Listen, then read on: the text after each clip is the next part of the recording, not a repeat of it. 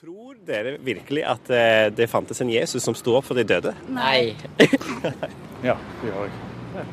Uh, nei, jeg har ikke noe tro, dessverre. Så Hva tror du, da? Jeg har teist det, så nei, jeg har ikke noe religion. Nei. Det tror jeg ikke på. Nei. Nei, jeg, ikke, jeg tror egentlig ikke på noen religion, egentlig, så ja. Sjøl tror jeg vel ikke egentlig på det, men samtidig har jeg respekt for de som tror på det. Og jeg har ikke egentlig lyst til å si at de tar feil. Nei, jeg tror ikke det. Hvis, vi nå, eh, hvis, hvis det nå hadde vært, eh, vært sånn at det ble bevist at han faktisk gjorde det, hvordan hadde du forholdt deg til det, tror du? Det vet jeg egentlig ikke her. Hvis, hvis de hadde kommet med konkrete bevis, så hadde det kanskje Hadde de jo bevist det, men jeg tror ikke jeg hadde trodd noe mer på. Jeg tror fortsatt ikke det hadde vært eh, Det hadde ikke betydd så mye for meg å tro på det. Jeg hadde nok vært litt i sjokk, sikkert. Hva ville det betydd for dere? Ingenting. nei, det er samme hverdag likevel, tror jeg. Det er ikke gjort noe forandring på hverdagen. Nei, det er Jeg lever greit sånn som det er nå. Jeg hadde ikke trodd på det uansett. Det hadde jeg ikke. Nei.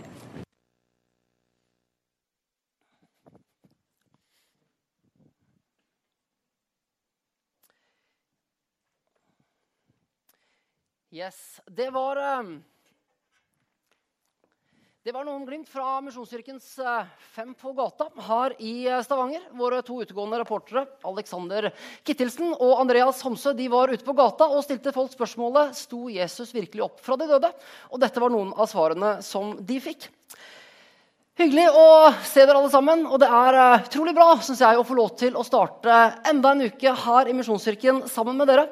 Det syns jeg er en eh, utrolig god måte å starte uka på, og veldig glad for å se dere alle sammen. Jeg har også lyst til å si velkommen til dere som sitter og hører på over nett via vår podkast. Vi ser at stadig flere hører på talene våre via nettet osv. Og, så og vi er veldig glad for det. Og dere som sitter og hører på, dere skal også være hjertelig velkommen. Mitt navn er eh, Thomas Pedersen. Jeg jobber som ungdoms- og studentpastor her i menigheten. Og jeg har gleden av å tale i formiddag. Vi er, eh, vi er, nå midt i en taleserie som vi har kalt 'Dette har jeg alltid lurt på'. Og Så langt i denne serien så har vi snakka om er evolusjonen sann. Og Forrige søndag så talte Frode over temaet er alle, er alle religioner like. Og Hvis du ikke har fått med deg disse talene så langt, så som sagt, de ligger tilgjengelig på nettsida vår eller ute på iTunes. Så kan du gå inn der, logge deg inn, eller bare gå inn på nettet der, og så kan du få med deg talene. Og jeg må si at det har vært eh, spennende, eller at dette har vært en spennende serie å jobbe med. Og jeg opplever at det er bra å gå i dybden på noen av de litt store spørsmålene. Og jeg vet at eh, som person så trenger jeg det for min egen del. For det å gå i dybden og se det at eh, det vi holder på med, det vi tror på, det er noe som holder mål, og det er relevant. Og jeg håper det at det er noe som kan gi oss alle sammen frimodighet. I dag så er temaet 'Sto Jesus virkelig opp fra de døde?' Og Dette er egentlig spørsmålet som hele vår tro og som hele kristendommen er bygd på.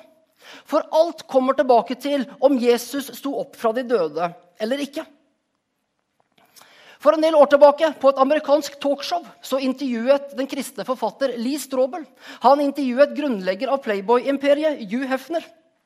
De møttes i Hefner sitt mansion, og de snakket om tro. Det kom klart fram at Hefner ikke hadde noen stor tro på Gud. Men så kom spørsmålet opp sto Jesus opp fra de døde.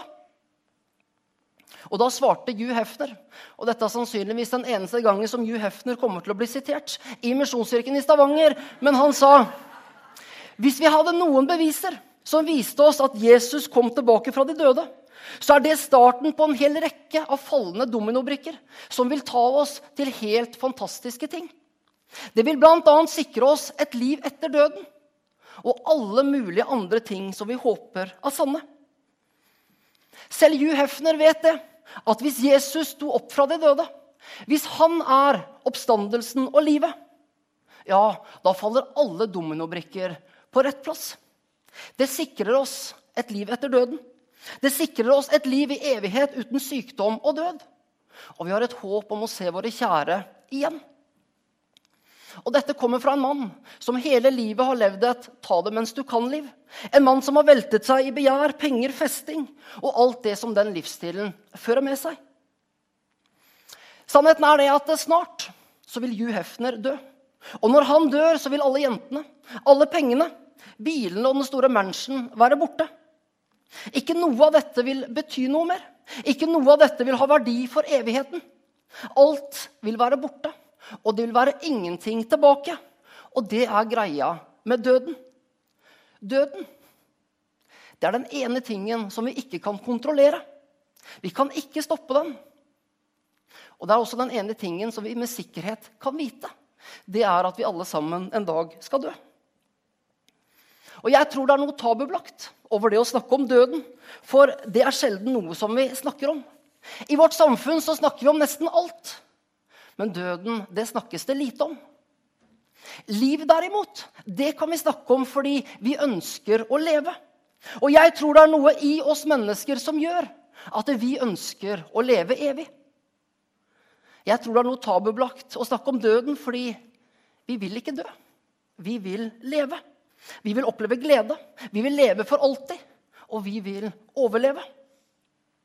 Og jeg tror det er noe i oss mennesker som tror på et evig liv. For vi ser det når store ulykker rammer, når tragedier inntreffer. F.eks. etter Utøya 22.07. så er meldingen fra de overlevende til de døde det er at vi sees på den andre sida. I Johannes kapittel 11 så taler Jesus noen av de sterkeste ordene som noen gang er sagt. Greia er den at Lasarus er nettopp død. Og Jesus han møter Lasarus sine søstre Martha og Maria. Martha og Maria de er i sorg, naturligvis. De har mistet sitt nærmeste familiemedlem. Og så leser vi fra Johannes kapittel 11, vers 25-27. Jesus sier til henne, 'Jeg er oppstandelsen og livet.' 'Den som tror på meg, skal leve om han enn dør.' 'Og hver den som tror på meg, skal aldri i evighet dø.' Tror du på dette? Ja, Herre, sier hun. Jeg tror at du er Messias, Guds sønn, han som skal komme til verden. Jesus han sier, 'Jeg er oppstandelsen og livet'. Og så spør han, 'Tror du på dette?' Og jeg tenker, Det er det viktigste spørsmålet til oss også. Kristendom det handler ikke om bud og regler. Kristendom det handler ikke om etikk og moral. Men kristendom det kan kokes ned til ett eneste spørsmål, en historisk begivenhet. Og det er sto han opp fra de døde? Er Jesus oppstandelsen og livet? Det er det som det hele kan kokes ned til. 1. Korinterbrev kapittel 15 og vers 14 der skriver Paulus.: Men er ikke Kristus stått opp? Da er vårt budskap tomt, og deres tro er også tom. Hvis det ikke er sant at Jesus sto opp fra de døde, så er alt vi driver med her, meningsløst. Da burde vi alle sammen vært ute og levd livet og ikke hatt noen rammer for hvordan vi burde leve. Men hvis det, men hvis det derimot er sant at Jesus sto opp fra de døde, ja, da er det ingenting som er tristere enn Hugh Hefner og andre som har mista hele hensikten med livet. Jeg tenker meningen med livet. Hvordan vi lever livene våre, og hvilket håp vi har til det som kommer etter. Alt kan kokes ned til Jesus Kristus, at han er oppstandelsen og livet. Og Til resten av talen så skal vi derfor se på fem korte argumenter eller fem korte punkter som jeg mener forteller oss at Jesus sto opp fra de døde. Og jeg håper det at disse punktene eller disse argumentene jeg håper at de kan bygge tro for deg. Både for deg som allerede er en kristen, men også for deg som enda ikke tror. Og Det første argumentet som vi skal se på, det er total forvandling av disiplene. Hvordan forklarer vi at Jesu disipler gikk fra å være redde, motløse og engstelige til å bli en gjeng med modige ledere som proklamerte at Jesus lever, og som ikke engang fryktet døden? Peter han er et godt eksempel på dette. Den dagen som Jesus blir tatt til fange, så fornekter han tre ganger på at han kjente Jesus. Greia var den at Det kom en liten tjenestejente bort til Peter, og hun sier, du, sier hun, du var jo sammen med han Jesus. Men Peter han banner på at han ikke visste hva hun snakket om. Og det var Peter før oppstandelsen. Men senere så forteller kirkehistorien en helt annen historie om Peter. Peter får møte den oppstandende Jesus Kristus. Og Peter han går fra å være redd og motløs til å bli en modig leder. Peter han leder disippelflokken. Han leder den første kristne menighet i Jerusalem. Han ble fengslet for sin tro, og han talte øvrigheten rett imot. Peter han måtte til slutt dø for sin tro. Og Kirkehistorien forteller oss at han nektet å bli korsfestet på vanlig måte slik som Jesus ble korsfestet. Han følte seg ikke verdig til det. Og Peter han ble korsfesta opp ned. Og jeg tenker, hvor mange mennesker kjenner vi som har forandret seg slik? Noe skjedde med Peter i dagene mellom påske og pinse i år 33. Og jeg tror at han møtte en levende og oppstått Jesus Kristus. Et annet eksempel det er Jakob. Og Jakob det var Jesus sin halvbror. Jakob han trodde ikke på Jesus. Han trodde ikke at Jesus var Guds sønn. Og skal jeg være helt ærlig, så skjønner jeg akkurat det. For det er ikke lett å overbevise sin egen bror om at du er guddommelig. Jeg tenker selv jeg er glad i broren min. Men hvis Joakim en dag skulle komme og si det at han er Guds sønn, da hadde jeg tenkt at nå, nå har det i hvert fall rabla. Men Jakob han så at Jesus døde. Og Jakob han fikk senere møte den oppståtte Jesus Kristus. Og Jakob han ble etter hvert leder for Jerusalemsmenigheten, før han til slutt også måtte dø for sin tro. Både Peter og Jakob ble begge, ble begge totalt forvandlet av noe. Og hvis det ikke var oppstandelsen, så må du gjerne fortelle meg hva det ellers kunne være. For jeg tenker det skjer noe med mennesker som får møte den levende og oppståtte Jesus Kristus. Derfor punkt nummer én total forvandling av disiplene. Punkt nummer to hvilket motiv hadde disiplene for å lyve? Greia er den at Det hender at vi mennesker lyver. Vi forteller lett en hvit løgn for å sette oss selv i litt bedre lys, fordi at vi kanskje kan vinne noe på akkurat det. Og jeg husker spesielt som tenåring og tidlig i 20-åra, når jeg var forelska. Da var det lett å smøre litt på, for å si det sånn, for å prøve å imponere litt. Og jeg husker blant annet så var jeg veldig forelska i ei jente en gang som var kjempeglad i å sykle. Um, og plutselig så var visst jeg også veldig glad i å sykle. Og vi sykla fra det ene stedet til det andre, og jeg syns egentlig dette var bare forferdelig kjedelig. Men i hvert fall. Jeg var plutselig veldig glad i å se romantiske komedier på TV. Jeg var veldig glad i å lage mat, kunne jeg fortelle. Og ikke minst, jeg var kjempeglad i å gå på shopping. Og så husker jeg også det, når jeg etter hvert ble sammen med Gunn Rakel, som var kona mi i dag, så sa jeg det at eh, jeg likte veldig godt å gå på Ikea. Og vi kunne godt gå på Ikea når det måtte være. Og det betaler jeg fortsatt litt av prisen for. Greia er den at eh, det hender vi lyver fordi vi ønsker å vinne noe på det. Og så er spørsmålet hadde disiplene noe å vinne på å fortelle om en levende Jesus hvis han fortsatt var død. Vant de noe på det? Nei, de hadde heller alt å tape. Alle, bortsett fra Johannes, ble henrettet fordi de forkynte at Jesus var oppstandelsen og livet. Johannes på sin side han ble kokt levende noe han på mirakuløst vis overlevde før han ble sendt i eksil til øya Patmos. Og Jeg vet ikke hva dere tenker, men se for dere Johannes idet de finner fram den store gryta som skal kokes i. Hvis du da ikke er 100% sikker på at det du tror på og forkynner, hvis du da vet at det du har sagt, bare er en løgn, da er det gjerne tid for oss å kaste inn håndkleet og si 'bare tulla'. Men han gjorde ikke det og heller ingen av de andre disiplene. De ble alle sammen torturert. De døde alle sammen en brutal død. Men de nekta alle som en å gå tilbake på sannheten om at Jesus lever. Hvor mange av oss ville dødd for noe vi visste med 100% sikkerhet var løgn? Sannsynligvis ingen av oss. Men vi kunne kanskje dødd for noe vi visste med sikkerhet var sant. Noe som vi hadde sett, og noe som hadde forandra livene våre totalt. Derfor, punkt nummer to, hvilket motiv hadde disiplene hatt for å lyve? Punkt nummer tre, kristendommen den eksploderte i antall. Hvordan forklarer vi i dag, 2000 år etter, at millioner av, millioner av mennesker over hele verden tror at en snekker fra en liten by i Israel er Guds sønn? Det var to andre som ble korsfestet sammen med Jesus samme dagen. Men det er ingen som snakker om de på samme måte. Etter at Jesus døde, så var det andre som kom fram og sa det at de var Messias. At de var utsendt av Gud. De døde. Og i dag så er det ingen som vet hva de het, eller hvem de var.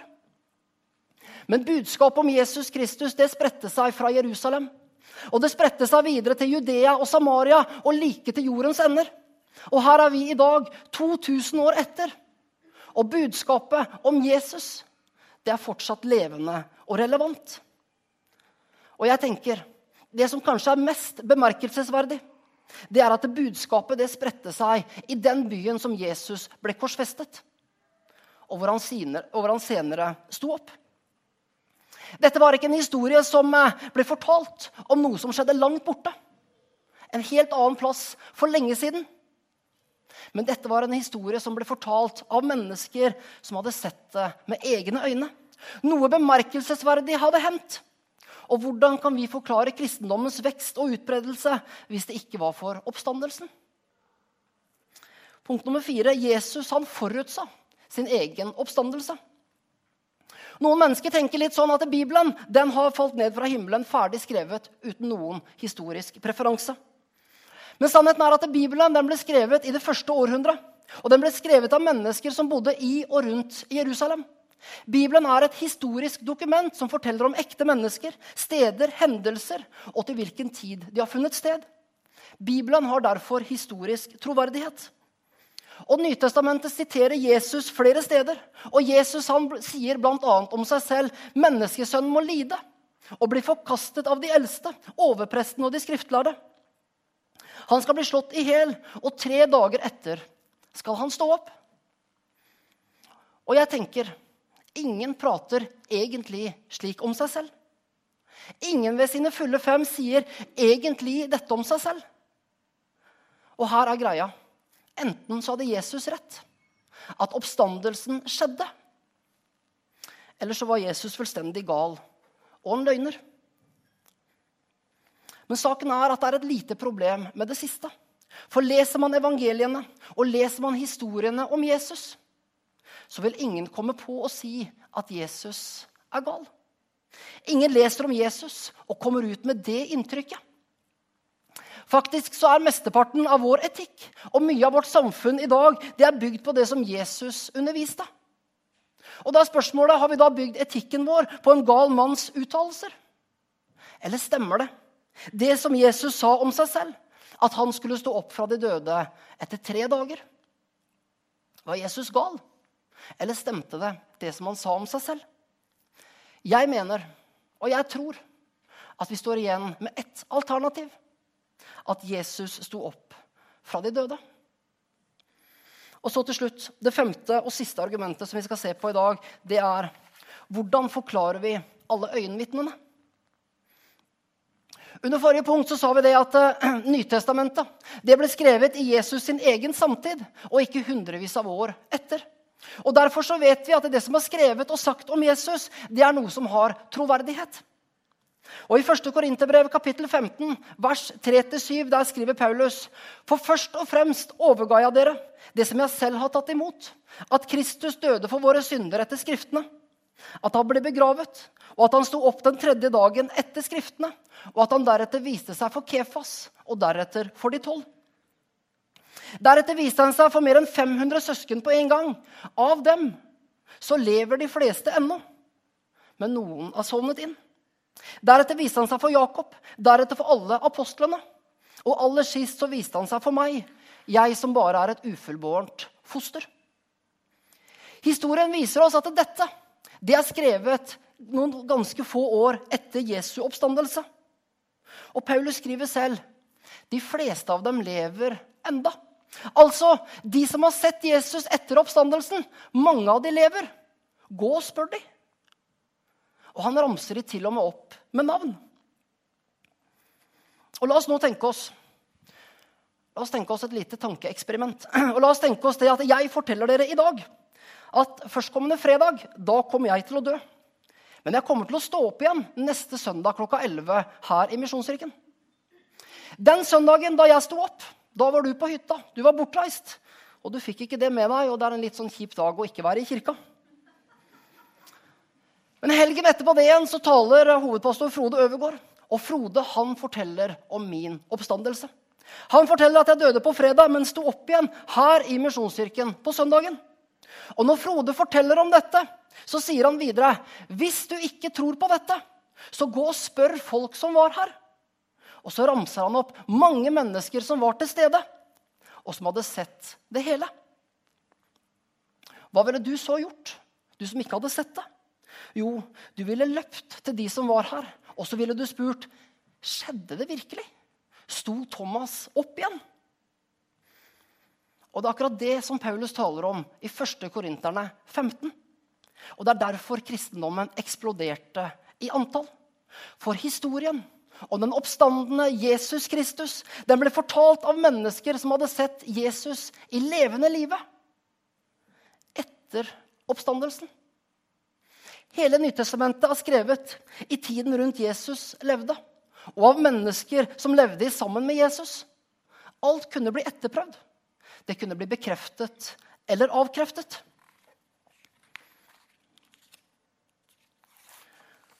Og videre Alt skjedde i full offentlighet. Oppstandelsen, Jesus sin undervisning, miraklene som Jesus gjorde. Det skjedde ikke på bortgjemte plasser, men det skjedde ute blant folk.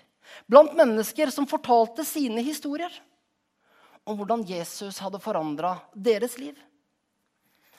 Jesu disipler ble truet til ikke å fortelle om Jesus. Men de sa vi kan ikke annet enn å fortelle om det vi har sett og hørt. Fordi Jesus lever, og det har forandra livene våre. Sto Jesus virkelig opp fra de døde? Ja, det tror jeg. Og så er spørsmålet til oss hva betyr det for oss i dag? Hva betyr det for deg? Jo, det betyr bl.a. at døden, vår siste fiende, er slått.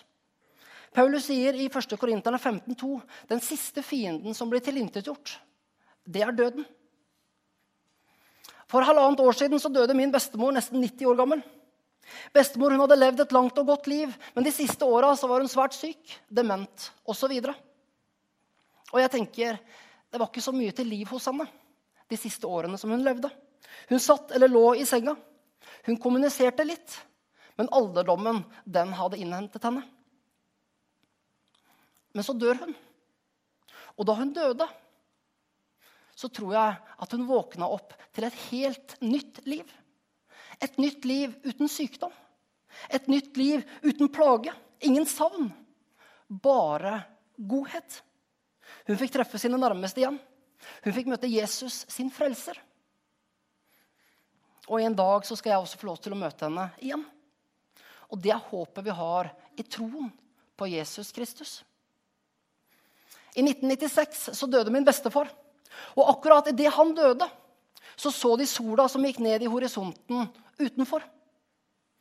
Og når sola gikk ned, og bestefar døde, så sier pastoren som sitter der inne han sier, 'Tenk nå, mens sola går ned her, så går en helt ny sol opp for Mikael i himmelen.'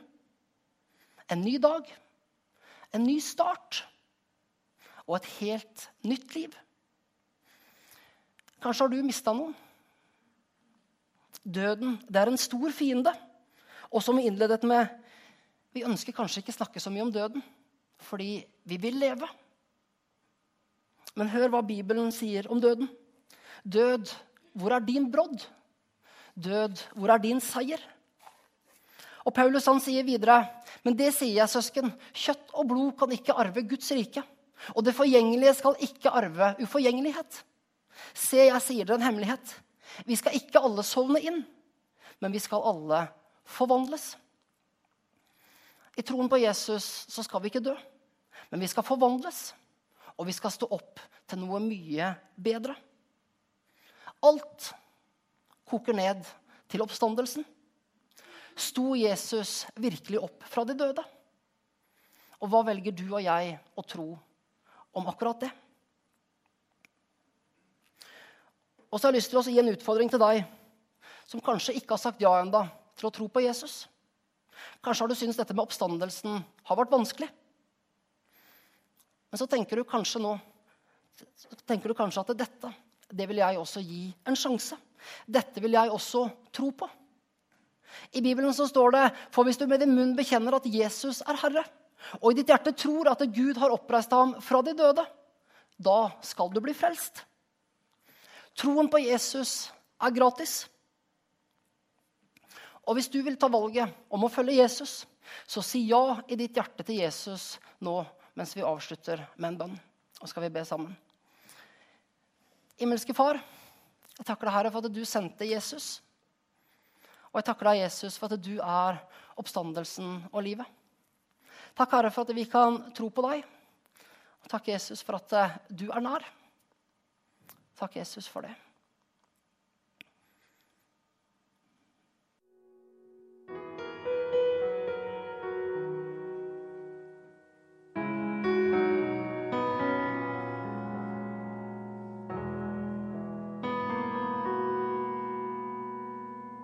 We pray for blessings.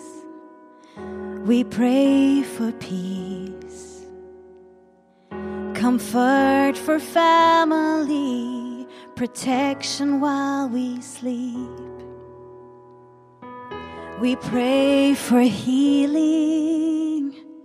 For prosperity. We pray for your mighty hand to ease our suffering. And all the while, you hear each spoken need. Yet love us way too much to give us lesser things. Cause what if your blessings come through raindrops? What if your healing comes through tears? And what if a thousand sleepless nights are what it takes to know you're near? And what if trials of this life are your mercies in disguise?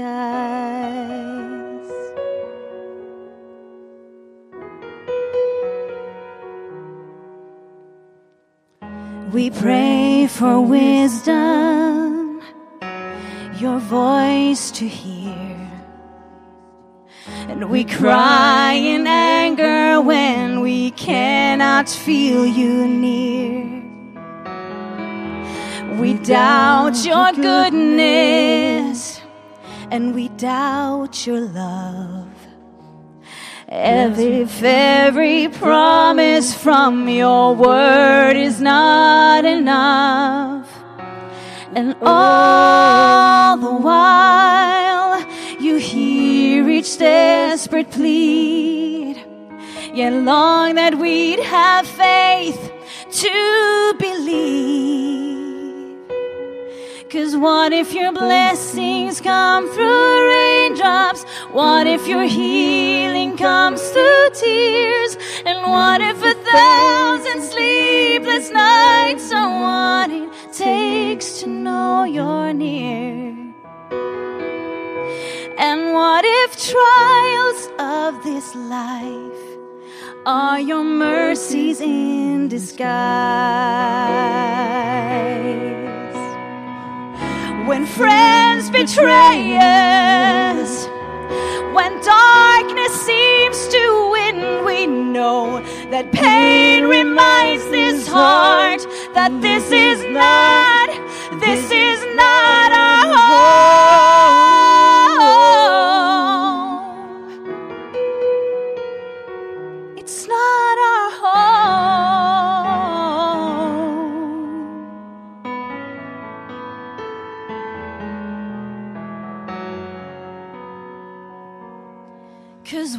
if your blessings come through raindrops? What if your healing comes through tears? And what if a thousand sleepless nights are what it takes to know you're near?